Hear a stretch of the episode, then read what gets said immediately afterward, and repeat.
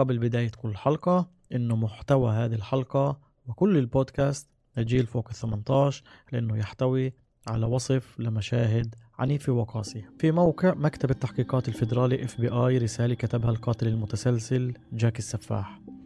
هو نفس المجرم اللي قتل خمس نساء على الأقل في عام 1888 واختفى منذ ذلك الحين. كتب جاك في رسالته عزيزي المدير أسمع باستمرار أن الشرطة قبضت علي ولكن حتى الآن هي ما مسكتني. ضحكت لما فكرت أنهم فكروا نفسهم أذكياء. أنا مدمن على النساء بائعات الهوى ولن أتوقف عن تقطيع أوصالهن وأعضائهن حتى يتم القبض علي.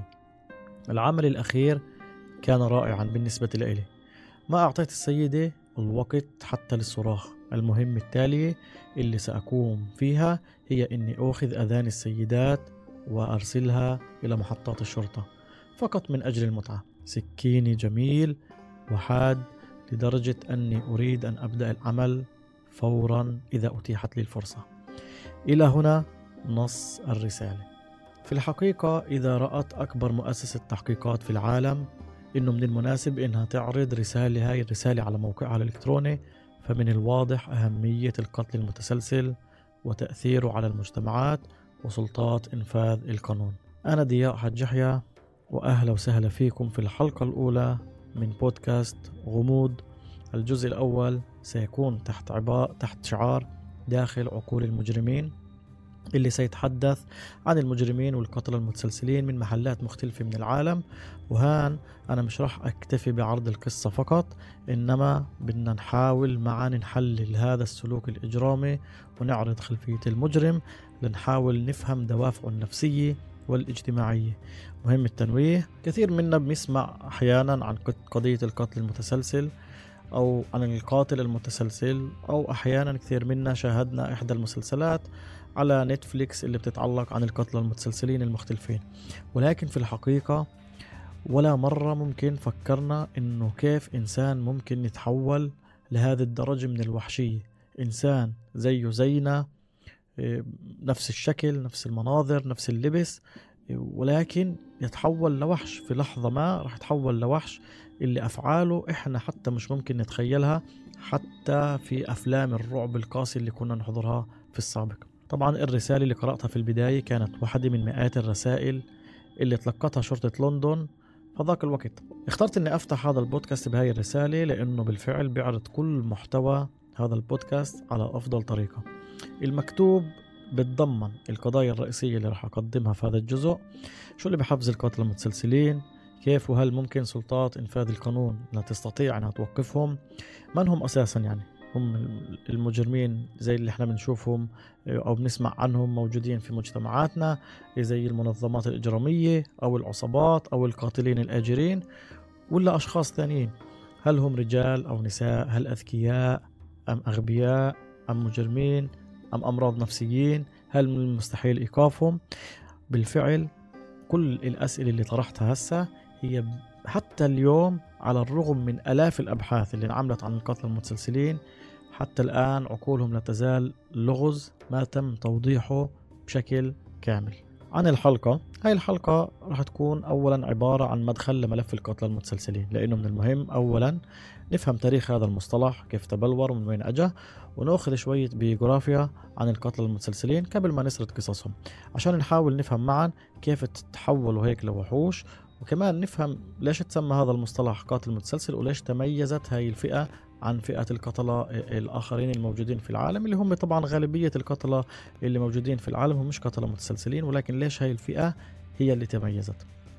في الواقع تقريبا 73% من القتلة المتسلسلين في العالم كانوا ولا زالوا في الولايات المتحدة في أمريكا. طبعا الأرقام مش دقيقة جدا لأنه في كثير قضايا لقتل متسلسل اندفنت بسبب تقاعس سلطات إنفاذ القانون في محلات معينة اللي ما بيكون فيها ربط بين جرائم قتل آه، آه، على خلفيات نفسية أو من خلفيات القتل المتسلسل أو في كثير يعني من أحيانا من الشرطة آه، الشرطة في العالم ما ما بتكون بجمع المعطيات بشكل صحيح وما بتكون بتدوينها وتصنيفها حسب القتلة لهيك في كثير قضايا من القتل المتسلسل بجهل تحليل الجرائم من دوافع نفسية بتم إغلاقها على إنها جرائم قتل عادية وما بيتم نسبها للقتل المتسلسل أو حتى ممكن على سبيل المثال ممكن مجرم إنه يقترف أربع أو خمس جرائم هذه الأربع والخمس جرائم تسجل على أساس إنها أربع وخمس جرائم لاربع وخمس قتلى مختلفين.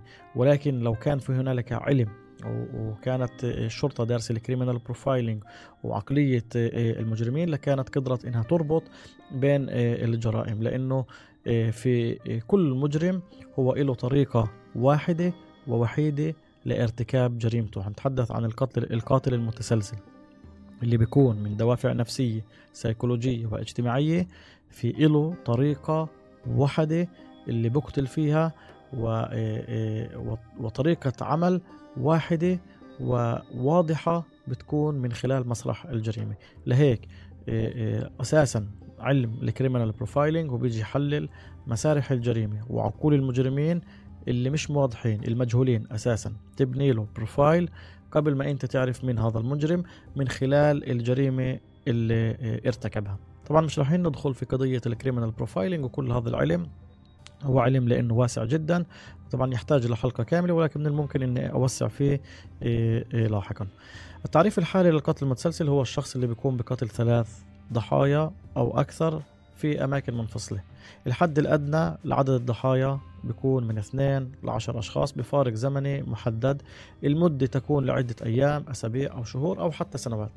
لضحايا في الغالب ما كانوا معروفين لهذا القاتل من قبل أو ما تربطوا علاقة معهم طبعا هناك تعريف آخر وهو الشخص اللي بقتل شخصين أو أكثر ما بيعرفهم من قبل مع ما يسمى بفترة التهدئة بين كل جريمة وأخرى. فترة التهدئة راح أوضح عنها في الحلقة القادمة. دوافع القتل المتسلسل مختلفة وكثير ولكن في بعض منها كثير دارج ضمن التصنيفات. في الدافع الجنسي المنحرف أو الدافع السادي أو بسبب الحاجة للتغلب على الشعور بالدونية من خلال إثبات تفوق القاتل على الضحية الحاجة بالسيطرة الحاجة آه، بانتقام للمجتمع الانتقام من سلطات إنفاذ القانون آه، الانتقام من الثوابت المجتمعية وأحيانا بيكون حقد ونقمة يحملها القاتل ضد عيلته أو ضد أشخاص فئة من هذا المجتمع. رح أحاول في هذا البودكاست ربط عناصر البيئة الاجتماعية وقت عمل القاتل والفترة اللي كان يعمل فيها وكيف ساهمت في آه، انتشار جرائمه. من الواضح أن هناك علاقة قوية بين البيئة الاجتماعية وجرائم القتل المتسلسل. مهم جدا نعرف أنه القتل التسلسلي هو عمل نادر. لازم يكون القاتل المتسلسل مجرم عنده رغبة كبيرة في القيام بجرائمه اللي هو بيشوفها اللي هو بيشوفها خطيرة على المجتمع أو أنه يعتبرها هي أمور مضادة للمجتمع بشكل كبير أو حتى لا تخطر على البال الأشخاص العاديين إلا في أفلام الرعب لأنه بيكون عنده حاجة في الرغبة في التحدي وفي الانتباه وحاجة في السيطرة لأنه كثير مما يثير القاتل المتسلسل هي أيضا عملية الإثارة والتحفيز اللي بيبحث عليها دائما اللي هو فقدها بالطفولة لأسباب معينة راح نفصل عنها لاحقا. أشهر القتلة المتسلسلين مثل اللي كانوا في سنوات السبعينات التسعينات مثل تيد باندي جيفري دامر وجون واين جيسي وديفيد بيركوفيتش البيئة ساهمت في انتشار جرائمهم. طبعا إضافة إلى أن التعاطي الإعلامي الأمريكي في وقتها كان مساهم كبير في انتشار القتلى المتسلسلين وتحويلهم لأسطورة في عيون المجتمع. جزء من هذول القتلة اللي ذكرتهم قبل شوي تحولوا لقدوة في المجتمع على الرغم من بشاعة الجرائم اللي عملوها وبشاعة الجرائم اللي عملوها مش ممكن تخطر حتى على كتاب السيناريو في أفلام الرعب اللي موجودة اللي إحنا بنحضرها. يعني كانت جرائم بشعة جدا من التقطيع والحرق وتذويب الجثث وحتى تقطيع أجزاء من الجثة وأكلها. مثل ما عمل جيفري دامر. حتى جيفري دامر يعني اللي كانت جرائمه بشعة جدا اللي كان يحاول تحويل آه، جزء من القتلة كان يحاول آه، يحولهم لزومبي. لما كان آه، يعمل ثقب في رأسهم وحاول يحط فيه مواد كيميائية باعتقاده إنه ممكن يحولهم زومبي ويخليهم عايشين أو يحنطهم. وفي في السجن جيفري دامر تلقى رسائل دعم من قبل أشخاص اللي اعتبروه هو إنسان قائد وإنسان كاريزماتي اللي قدر يأثر عليهم. فالتعاطي الإعلامي والتعاطي المجتمع في وقتها في الولايات المتحدة ساهم كثير في انتشار هذول القتل المسلسلين في سنوات السبعينات والثمانينات. حتى التسعينات. طبعا مع تطور التكنولوجيا والوسائل التحقيق لدى الشرطة لجمع الأدلة انخفض المعدل العالمي للقتل المتسلسلين ولكن هذول المجرمين اللي أرهبوا العالم واستولوا على خيال ومخاوف أجيال كاملة حتى اليوم موجودين أصناف منهم وبكثرة. أي نعم مش مثل السابق مثل مش مثل سنوات السبعينات الثمانينات والتسعينات ولكن موجودين. وحتى اللحظات اللي إحنا بنتحدث فيها في هذا البودكاست هنالك عدد كبير من القتلة المتسلسلين لا يزالوا يعملوا في العالم في العالم في أماكن مختلفة طبعا. القتلة المتسلسلين في الحقيقة معظمهم من أصحاب الاضطرابات النفسية أو المرض النفسي. المشكلة إنه كثير من المعلومات الموجودة عندنا عنهم هي هي أساسا مأخوذة منهم. معروف عنهم إنهم مش أكثر ناس بارعين بقول الحقيقة. مثل ما قال أحد المحققين في ملف اللي حقق في ملفاتهم إنه كل معلومة بيقولوها لازم نشكك فيها وما نعتبرها كأمر مسلم إلا إذا تم التحقق منها في غرف التحقيق عند الشرطة أو أجهزة المخابرات. مثال على ذلك جون واين جيسي القاتل المتسلسل صاحب لباس المهرج أو الجوكر المشهور ب Pogo the Clown قتل تقريبا 33 ضحية ولكن الصورة النمطية عنه أتت بسبب اعترافه أنه كان يقتل ويغوي ضحاياه بلباس المهرج. ولكن في الواقع ما في أي دليل على ذلك. على العكس راشيل بينمان مديرة مركز الأبحاث الوطني للجريمة في الولايات المتحدة قالت أنه لما جيسي كان يقتل هو كان في مزاج جيد. ولما كان في مزاج جيد كان وقتها يرتدي ملابسه العادية مش ملابس المهرج. وعلى العكس لما كان هو بمزاج سيء وكان يحاول إنه يلفت الانتباه كان بيلبس لبسة المهرج وبخرج للناس مشان يأخذ الانتباه ويضحك ويخفف عن نفسيته اللي كانت كانت عنده اضطراب نفسي شديد جدا. طبعا راح يكون أيضا حلقة كاملة عن جون وانجيزي اللي هو أيضا من أسوأ القتل المتسلسلين اللي كانوا في العالم. طبعا الإعلام لا يعكس العلم في هذه القضايا. لأنه هو خلق صورة نمطية مثيرة للقتلى المتسلسلين في وسائل الإعلام الإخبارية والترفيهية اللي جعلت منهم مشاهير بل إنه البعض مثل ما ذكرنا وصل إنه يتخذهم كخطوة السؤال هل جميع القتلى المتسلسلين هم مجانين؟ في الواقع الصورة اللي بيتم عرضها في الأخبار في مواقع المواقع المختلفة بتشير إنه إنه القتلة المتسلسلين عندهم نوع من الأمراض العقلية مثل الفصام أو إنهم عباقرة مجانين أو أشرار مثل شخصية الدكتور هانيبال ليكتر أو القاتل بي تي كي.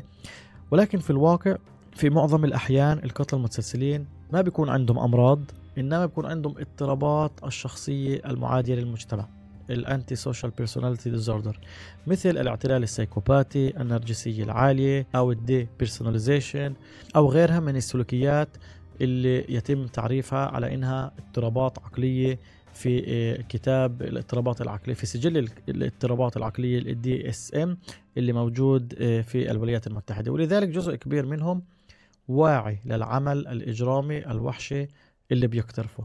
لهيك المسؤولية الجنائية تقع تقريبا على غالبية القتلة المتسلسلين الموجودين في العالم. ولكن لأنه العقل البشري مش ممكن أنه يتقبل شخص يستمتع في تقطيع أوصال امرأة أو صبية ويوصل من خلالها لإشباع جنسي وقت القتل أو أنه شخص يمارس العملية الجنسي الجنسية مع جثة مع جثة. هو قتلها وعلى الأغلب إحنا بنحاول نروح للتفسير الأسهل وهو أنه هذا المجرم هو مش طبيعي ومجنون الأفكار ومجنون ومريض عقلي ولكن في الواقع إنه هو بيكون إنسان واعي للي بيقترفه وواعي إنه خطأ وواعي إنه منافي للقانون والأخلاق والمبادئ المجتمعية. بل وإنه المحفز أحيانا بيكون هو بيكون عارف إنه منافي للقانون والأخلاق والمبادئ المجتمعية. ولكن الدافع الأكثر هو عادة بيكون الدافع النفسي بسبب الاضطراب اللي هو تعرض له. عدد قليل من القتلة المتسلسلين اللي تم تعريفهم من أرض إنهم مرضى نفسيين أو عندهم مرض عقلي مثل الانفصام السكيزوفرينيا. وكانوا وقت ارتكاب الجريمة هم غير مدركين لأفعالهم. طبعا قضية الإدراك والمسؤولية الجنائية تحتاج إلى حلقة كاملة ما في جم... ما في مجال للتوسع الآن ولكن بلمحة القتلة المتسلسلين اللي صنفوا بأنهم سايكوباتيين مثل جون وان جيزي ودينيس رادر وتيد باندي كانوا على علم بعدم شرعية القتل وقت ارتكاب الجريمة. الشخصية السيكوباتية باختصار الشخص اللي بيكون متلبس آه، أو الإنسان اللي بيكون بجسد إنسان ولكن في داخله بيكون وحش. اللي ما بيشعر بأي تعاطف مع الناس اللي ما بيشعر بأي خوف اللي ما بيشعر بالقيم ما عنده ضمير وكمان ما عنده أي تعاطف ومع البشر وبكون أصلا ما بحس بالبشر وما بيعرف بالشعور لا بالحزن ولا بالخوف ولا بالإدراك وما بيكون مدرك لكل الأمور المشاعرية اللي بمرها الضحيه لهيك السايكوباتيين لما يقوموا بجريمة قتل هم حتى لو كان الإنسان يعذب يعني بأشد التعذيب ويتوسل لهم بأشد التوسلات وحتى لو كان يبكي ولو كان يصوت لو كان يصرخ ما بيعطوا ما بتفاعلوا مع هاي المشاعر لأنه بالنسبة إلهم الشخص هو وسيلة هو مش إنسان عنده مشاعر وما بيشعروا بهاي المشاعر. طبعا نظرا لأنه القتلة مثل جيزي ودامر ورادر عندهم حاجة قوية وقهرية للقتل وعندهم اضطراب نفسي واعتلال سلوكي اللي جعلهم يتجاهلوا القانون من دون خوف من العقاب. قليل من القتلة المتسلسلين بيميلوا للإعت... للإعت... للالتزام بتعريف الجنون في المحاكم. ونادرا ما يستخدم المحامين الدفاع عنهم بجانب الجنون. ممكن طبعا هاي أمر مهم جدا ولافت للانتباه إنه ممكن لأنه غالبية القتلى المتسلسلين هم نرجسيين أو عندهم الشخصيه السيكوباتيه فبخافوا على صورتهم قدام الناس. عشان هيك هم ما بيلجأوا لإنهم يقولوا إنهم مجانين أو يدعوا إنهم مجانين. على سبيل المثال آه، جيفري دامر أبوه كان إنسان آه، آه، معاه مصاري ومتأسس جدا وإنسان أكاديمي وكمان والدته كانت أكاديمية. وقفوا له محامي اللي هو محامي مشهور في الولايات المتحدة وقتها في أمريكا. فلما اجى المحامي فقال له جيفري دامر أنا بعطيك تعليمات.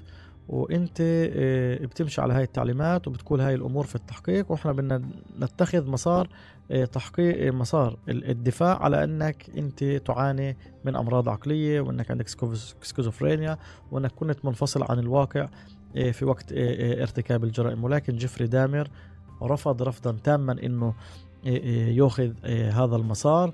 وكل المحامي جملة واحدة قال له شو بدها الناس تقول عني؟ والناس اللي بتحبني والناس اللي بتشجعني إنه جيفري دامر هو إنسان مجنون فرفض. فغالبية القتلة المتسلسلين بيفكروا هيك لأنه أغلبهم عندهم النرجسية فالنرجسية بتمنعهم من إنهم آه، يضروا بسمعتهم. فهي بالنسبة لهم إنه يعتبر مجنون هذا أمر بضر بسمعته وبميزه عن الناس آه، وما ما يعتبر آه، إنسان طبيعي. أصلا لأنه جزء كبير أصلا من جرائمهم البشعه اللي بيرتكبوها هو على أساس إنهم إنهم يشعروا إنهم مش غرباء عن الناس. فبتكون هاي جرائم القتل هي عشان ما يتميزوا بالناس. هل القتلى المتسلسلين هم عباقرة أو أشرار؟ صورة القاتل المتسلسل العبقري اللي بتظهر في هوليوود هي غير دقيقة. القتلى المتسلسلين الحقيقيين مش موهوبين يعني بقدرات فكرية خارقة ممكن في منهم أذكياء جدا وصحيح يعني كما ذكرت ولكن مش الغالبية. إيه، جزء يعني حسب الأبحاث اللي اللي توصلت لها إيه، مراكز التحقيقات ومراكز الأبحاث إنه المعدل العام للذكاء للقتلى المتسلسلين هو معدل من المتوسط وما فوق. طبعا جزء كبير منهم أيضا كانوا يعني أغبياء أصلا باساسا هم يعني درجة ذكائهم بتكون إيه، درجة أقل من المتوسط بكثير. ولكن اللي بيجعل من القاتل المتسلسل وهي نقطة مهمة جدا. اللي بيجعل منه ذكي جدا أو صعب إنه يعني تضبط الشرطة وممكن إنه يتلاعب إيه، إيه، في أجهزة إيه، إنفاذ القانون مثل الشرطة والمخابرات هو هوس القاتل المتسلسل بالجريمة. والتدقيق في التفاصيل الصغيرة والوقت اللي بيقضيه لإلها هذا النوع من القتلة ممكن يقضي أيام وأشهر وحتى سنين وهو خطط لجريمته. ممكن يعيد الجريمة عشرة وعشرين وثمانين ومئة مرة قبل ما يرتكبها لأجل أنه يعملها على أكمل وجه. عشان هيك طبعا نقول لك عشان هيك يعني جريمته بتكون هي سليمة بية بالمية. طبعا ما في إشي سليم بالمية كل قاتل بترك دائما أثر وراه. هناك بعض الاستثناءات طبعا مثل إيد كيمبر تيد باندي جيفري دامر بي تي كي كانت معدلات ذكائهم أعلى بكثير من المتوسط. هل كل القتلة المتسلسلين أفراد وحيدين أو منعزلين؟ طبعا معظم القتلة المتسلسلين مش منعزلين أو بيعيشوا بمفردهم هنالك بعض الأشخاص اللي بيعانوا من اضطرابات آه، آه، آه، اضطرابات مختلفة أو اللي بيعانوا من الاكتئاب اللي بيكونوا عندهم اضطراب سلوكي اللي بيكون مقابل عنده أيضا اكتئاب هذول بيكونوا عادة منعزلين ولكن بغالبية جرائم اللي قتل المتسلسلين ما بيكونوا منعزلين لذلك من الصعب التعرف عليهم. ومنهم اللي بيكون على علاقة أو متزوج وأب لأولاد وبدير حياة اجتماعية طبيعية جدا وأحيانا بيكونوا شخصيات ناجحة ومقبولة في المجتمع اللي بيعيشوا فيه. على الرغم من التصوير واسع النطاق للقتل المتسلسلين على أنهم أشخاص وحوش في وسائل الإعلام الإخبارية والترفيهية. إيه، القتل المتسلسلين في الحياة الواقعية مش وحوش ولا منعزلين وغالبا ما بيبينوا إنهم غريبين أو متميزين عن بقية الناس. وهذا بيعطي العديد منهم القدرة على الاختباء بنجاح وإنهم يستمروا بعملهم بشكل طبيعي لفترات طويلة. غالبية الجيران القتل المتسلسلين أو أقرباء القتل المتسلسلين لما تم الكشف عنهم تفاجؤوا بإنه هذا الإنسان إيه، اللطيف هذا الإنسان المنظم هذا الإنسان الأنيق هو قاتل متسلسل ووحش وكان ينفذ أبشع جرائم القتل اللي كانت في تاريخ البشرية. على سبيل المثال دينيس رادر كان عنده عائلة وكان متزوج. كان يطلع يقتل آه، آه، آه، الأطفال وكان يقتل على الأخص الأطفال من الإناث وكان يرجع على بيته ويمارس حياته الطبيعية مع امرأة مع مرته بشكل عادي طبيعي جدا. وحتى لما قالت مرته لما سألوا مرته في التحقيقات فقالت إنه دينيس رادر يعني كان كان لما لما يخرج يقتل على يقتل كان يختفي في ساعات الليل تقريبا وكان يخطط لجريمته ولكن لما كان يختفي كان يجيب لمرته هدية عشان على أساس إنها ما ما تشعر. فهي كانت كانت تشوفه رومانسي كثير وكانت تقول إنه كان إنسان رومانسي وكان يعني كلامه معسول وكان كلامه حلو وممكن لحتى اليوم هي مش مصدقة إنه هو جوزها. إيه، إيه، اللي كان معها بنفس البيت وهذا القاتل اللي قتل تقريبا 14 طفل. القتل اللي بيندمجوا بنجاح عادة بيكونوا موظفين ومكونين عائلات وبيبينوا للناس على أساس أنهم يعني أشخاص عاديين في المجتمع. لهيك الصورة النمطية اللي رسمها الإعلام عنهم. أولا هي شتتت من عمل الشرطة بالتعرف عليهم وشتتت شتتت الناس بأنه أيضا الناس يتعرفوا عليهم من جيرانهم قرايبهم أو معارفهم لأنهم ما بيحملوا سمات إجرامية. يعني إنسان بيكون طبيعي جدا بتعامل زينا وزيه بيلبس زينا ببساطة لأنه معظمهم ناس طبيعيين ظاهريا قدرتهم على الاندماج هي اللي بتجعلهم خطيرين جدا مثل ما ذكرنا. عادة القتلة المتسلسلين بيعملوا في الأماكن القريبة لإلهم أو الأماكن اللي بيكونوا هم بيعرفوها مليح ومتمكنين منها لأنه مثل ما سبق وقلت إنهم بيخططوا لجرائمهم بشكل دقيق جدا. طبعا في استثناءات اللي بيكون آه، آه، مثل تيد باندي اللي سافر بجرائمه عبر العالم. باندي هرب من المعتقل مرتين ارتكب ما لا يقل عن 30 جريمة قتل في الولايات المتحدة واشنطن وفلوريدا وكوليرادو وكاليفورنيا. كان سلوك تيد باندي في في غليانه للقتل رهيب جدا. مثل يعني ممكن مثل ما وصفه أحد الباحثين في قضية تيد باندي قال إنه ممكن هو كان أسوأ قاتل متسلسل أو أشد قاتل متسلسل عنده غليان للقتل. أكثر من أي قاتل آخر. طبعا كمان في عدد من الاستثنائيات اللي سافروا في جرائمهم عبر العالم أو في أماكن مختلفة مثل إسرائيل كيز اللي ارتكب جرائم قتل في جميع أنحاء الولايات المتحدة سامويل ليتل قتل 93 امرأة في 19 دولة. إيه، طبعا هذه استثنائيات ولكن غالبية القتلة المتسلسلين بفضلوا إنهم يعملوا في يعملوا ويقتلوا في الأماكن القريبة عليهم أو الأماكن اللي هم بيكونوا يعرفوها مليح مثل موقع عمل أو آه، آه، أماكن النوادي الليلية آه، اللي بيكونوا هم عادة بيروحوا عليها بشكل كبير فبيكونوا عارفينها عارفين الضحايا عارفين الناس عارفين المجتمع الموجود هناك وعارفين أماكن الهروب والتخلص من الجرائم. في الحلقة القادمة راح أوسع أكثر عن قضية المجرم المنظم والمجرم غير المنظم والمسرح الجريمي المنظم ومسرح الجريمة غير المنظم. سؤال كثير دائما ما نسأله هل القتلى المتسلسلين تعرضوا للاعتداء للإساءة للإهمال للتعذيب في مرحلة الطفولة؟ طبعا كما ذكرت إحنا بنعتمد بشكل أساسي على شهادة القتلى المتسلسلين. البعض منهم متلاعب. ولكن المشكلة الثانية هي آه، حقيقة تعريف الإساءة في الطفولة. لأنه كل إنسان منظوره للإساءة يختلف.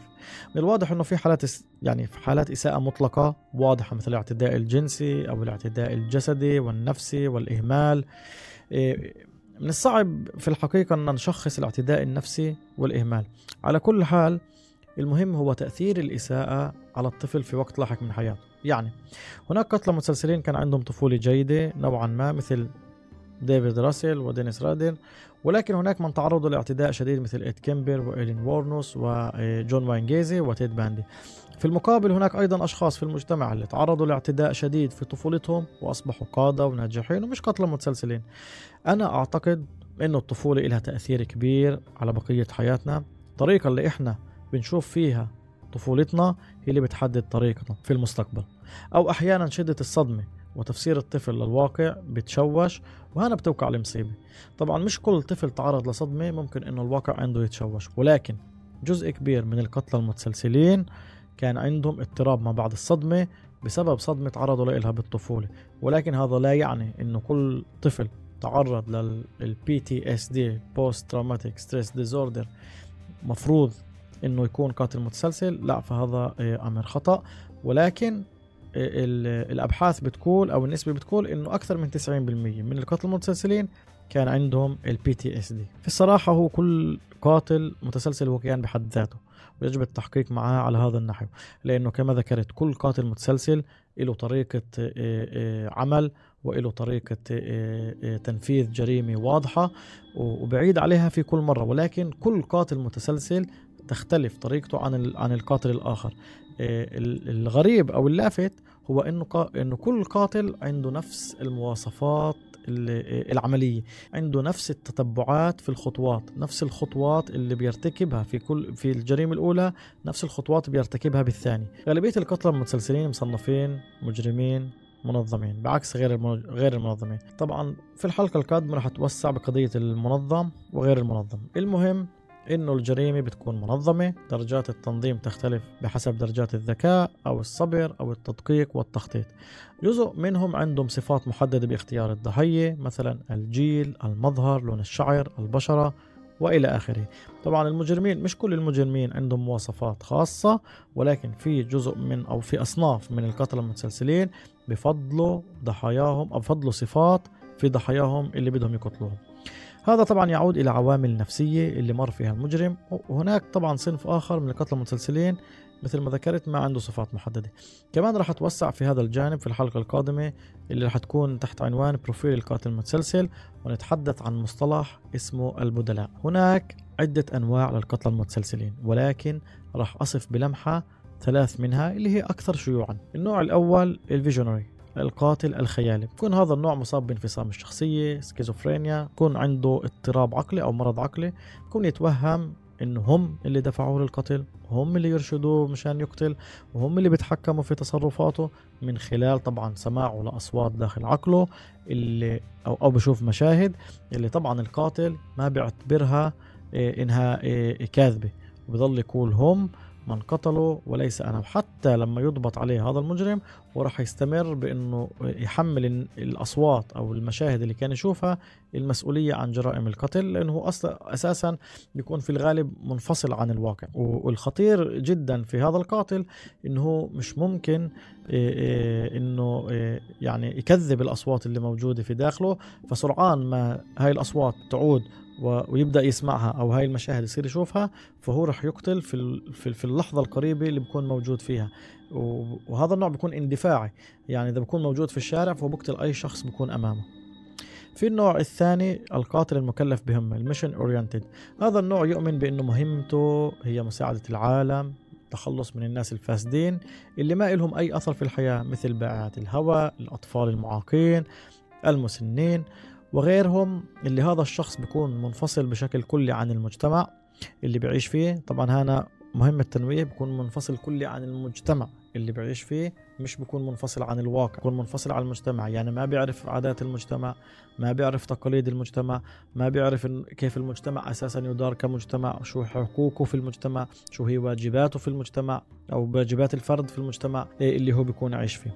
وطبعا بيكون غير مدرك لشو بصير حوله. بشوف نفسه بأنه هو المسيح القادم اللي جاي لإنقاذ العالم من هاي العناصر الفاسدة اللي هو طبعا بصنفها على أساس إنها فاسدة. النوع الثالث وهو بحسب الأبحاث هو الأكثر شيوعا هو القاتل المستمتع ال thrill oriented. يقتل هذا الشخص بدوافع المتعة الشخصية أو الجنسية أو السادية. وكلما استمر في القتل في دح قتل ضحايا أكثر زاد شعوره بالسعادة. طبعا هذا النوع يعتبر بأنه عنده الاضطرابات السايكوباتية في الغالب والنرجسية العالية وبيكون جزء منهم أيضا مريض بالسادية وحب التعذيب حب تعذيب الغير اللي بيعذب ضحيته ثم يقتلها ويقتلها ثم يستمر. غالبية ضحايا هذا القاتل المتسلسل هن نساء. القتل بيكون عنده جزء من عملية إشباع جنسي هو بده يوصل لإلها. الأبحاث عن القتلى المتسلسلين بتقول إنه غالبيتهم مروا بمراحل طفولة صعبة. اللي أثرت على تطورهم الذهني والنفسي. في بعض الأحيان على تطورهم الجسدي مثل الإهمال التعذيب والهجران وخاصة إذا اللي كان هجر أو اعتدى أو أساء هي الأم. وإنه جزء كبير منهم كان يعاني مثل ما ذكرت من اضطراب ما بعد الصدمة دي في مراحل معينة من حياته القاتل بعد ما يتعرض لصدمة بيبدأ يحس بالإحباط ممكن يتحول لسلوك عنيف وإجرامي لاحقا ضد المصدر اللي سبب له هذا الإحباط بشكل مباشر أو بشكل غير مباشر ضد ضحايا أبرياء هو لا بيعرفهم ولا هم بيعرفوه فقط بسبب المواصفات. طبعا أنا أتحدث عن مصطلح البدلاء اللي معروف في علم السلوك الإجرامي في ال criminal profiling وهو إنه المجرم بيكون يبحث عن بديل لمسبب الأذى اللي اللي أذى مثل إمه أو والده أو أخته أو سته أو أي إنسان. بعطي مثال على هذا. هناك مصطلح طبعا اسمه البدلاء في السلوك الإجرامي في ال criminal profiling وهو إنه المجرم بيبحث عن بديل لمسبب الأذى اللي سبب له الأذى. مثال يعني شخص تعرض للإهانة من والدته. لون شعرها أسود نحيفة راح يلجأ لقتل نساء أو صبايا بنفس المواصفات إما لأنه والدته توفت فمش راح يقدر ينتقم منها أو لأنه ما بيقدر يواجهها ويسبب لها الأذى خوفا منها. وهذا هو السبب الدارج أكثر عند القتلة المتسلسلين ما بيكون عندهم القدرة إنهم يواجهوا يواجهوا مسبب الأذى النفسي اللي سبب لهم الأذى لإلهم. حتى لو كان هذا القاتل المتسلسل هو أقوى شخص بالعالم جسديا السيطرة النفسية على الشخص والسيطرة العقلية هي أقوى من السيطرة الجسدية القاتل المتسلسل على سبيل المثال إيد كيمبر بسبب تعذيب أمه لإله طبعا التعذيب كان مرافقه. لإساءة وانتقاص اللي كانت أمه دائما تنتقص منه وكانت دائما تضربه. وتهينه أمام الناس إيد كيمبر ما قدر يواجه أمه فلجأ لقتل 14 طالبة جامعية مع اغتصابهن وممارسة السادية البشعة عليهن. ولكن لما شاف إيد كيمبر إنه حان الوقت وزال ستار الخوف آه، عن آه، عن وزال ستار الخوف من إمه راح قتلها وقطع راسها وضعه في الثلاجة ومارس مع الرأس المقطوع الجنس الفموي حتى تم القبض عليه. قتل المتسلسلين بيكونوا تأثروا من حوادث سببت إلى زعزعة استقرارهم النفسي والاجتماعي الأمر اللي أدى عند معظمهم إلى زعزعة التقدير الذاتي والهوية الذاتية الخاصة فيهم سواء في المفاهيم الاجتماعية الجنسية والأخلاقية. وكل المفاهيم اللي بتربوا عليها الأطفال الطبيعيين بالعالم بتكون قد تشوشت عند القتل المتسلسلين في جيل الطفولة. ما دفعهم للجوء إلى عالم مليء بالفانتازيا الغريبة العجيبة السادية اللي لا تخطر على بال البشر. والبحث دائما عن الإثارة والتحفيز والسيطرة اللي هي فقدوها أصلا في حياتهم في الطفولة. وهان وصلنا لنهاية الحلقة الأولى اللي هي عبارة عن مدخل لهذا البودكاست. كجزء من فهم أولا مصطلح القاتل المتسلسل في الحلقة القادمة رح أتعمق أكثر في القاتل المتسلسل نفسه ورح نحاول معا إنه نبني بروفايل ملائم للقاتل المتسلسل ونفهم دوافعه النفسية ونفهم تصنيفاته ونوسع ووسع أكثر عن التصنيفات. أتمنى أنه تكون هاي الحلقة عجبتكم. بكون ممنون لكم إذا بتنشروا الحلقة أو بتدعموها ب like. الحلقات ممكن تلاقوها على منصات أبل بودكاست سبوتيفاي تيليجرام ويوتيوب. الروابط كلها موجودة بوصف الحلقة. ولا تنسوا تتابعوا الحلقة الثانية. والسلام عليكم.